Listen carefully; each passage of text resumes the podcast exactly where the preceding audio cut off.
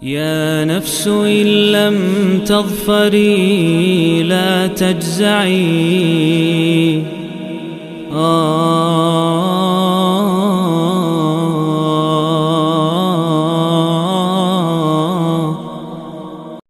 بسم الله والحمد لله والصلاة والسلام على رسول الله أما بعد Para hadirin yang dirahmati Allah ini adalah audio ke-98. Dari serial 114 hari menyambut bulan Ramadan Dan kita di surat Al-Bayyinah, surat ke-98 Surat ini Madaniyah Dan memang ya, ada 4 surat ya Di juz 30 yang merupakan surat Madaniyah Yaitu Al-Mutaffifin Kemudian Al-Bayyinah, Az-Zalzalah, dan An-Nasr Surat ini Madaniyah turun setelah surat At-Talaq sebelum surat Al-Hasyr. Terdiri dari 8 ayat. Dan surat Al-Bayyinah disebut dengan nama Al-Bayyinah yang artinya bukti yang nyata. Diambil dari kata Al-Bayyinah yang ada di ayat pertama surat ini lam yakunil ladzina kafaru min ahli kitab wal musyrikin mufakkina hatta ta'tiyahumul bayyinah.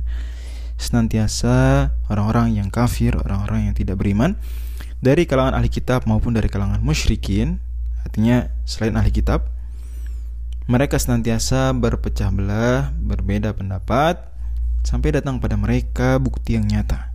Kemudian Allah Subhanahu wa taala tafsirkan bukti yang nyata tersebut rasulun minallah yaslusu haufam mutahhar.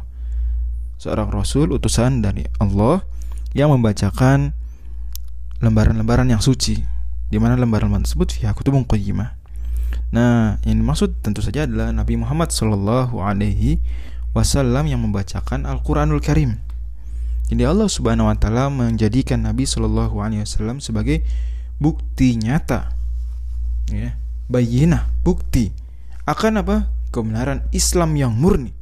Karena Nabi Muhammad SAW datang kemudian dan ada ahli kitab di sana. Ahli kitab tadinya juga mengikuti Nabi yang menyebarkan Islam, hanya saja mereka ada penyimpangan. Maka Nabi SAW ini bukti nyata kebenaran Islam dan kebatilan selainnya. Allah Subhanahu wa taala kemudian menyebutkan lagi bahwa orang-orang ahli kitab tersebut berpecah belah. Ya.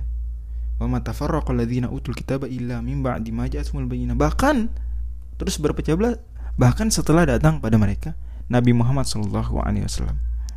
Padahal kata Allah mereka tidaklah diperintah melainkan hati yang dia ajak inti dari Islam adalah agar mentauhidkan Allah mukhlisin lahuddin hunafa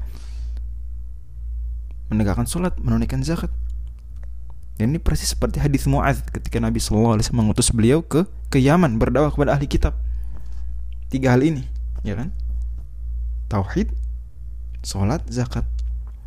Dan kata Allah wadzalika dinul kemudian Allah menjelaskan bahwa ajaran ahli kitab meskipun awalnya mereka ya berpegang pada sebuah kitab suci yang diturunkan Allah Subhanahu wa taala meskipun pada awalnya mereka mengikuti nabi yang diutus oleh Allah Subhanahu wa taala menyebarkan agama Islam akan tetapi karena mereka pada akhirnya melakukan penyimpangan pada akhirnya mereka kemudian melakukan distorsi ya tahrif pada akhirnya mereka kemudian menyeleweng sehingga tidak taat kepada Allah Subhanahu wa taala, tidak lagi utuh mentauhidkannya, tidak lagi memurnikan ittiba kepada nabi-nabi mereka.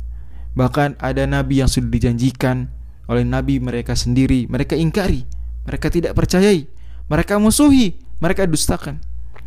Maka Allah Subhanahu wa taala kemudian jelaskan bahwa nasib mereka pada akhirnya sama dari sisi masuk neraka dan kekal di dalamnya.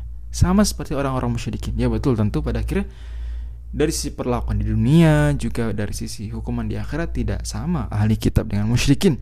Tetapi dari sisi masuk neraka kekal di dalamnya. Sama kata Allah Subhanahu wa taala innalladzina kafaru min ahli kitab wal musyrikin fi nari jahannam khalidina fiha ulaika hum syarrul bariyah.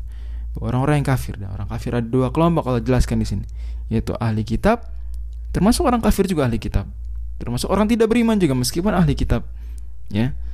Dan orang-orang yang selain ahli kitab Allah sebut dengan musyrikin mereka semua di neraka jahanam kekal di dalamnya. Ulaika hum syarrul bariyah. Mereka seburuk-buruknya makhluk.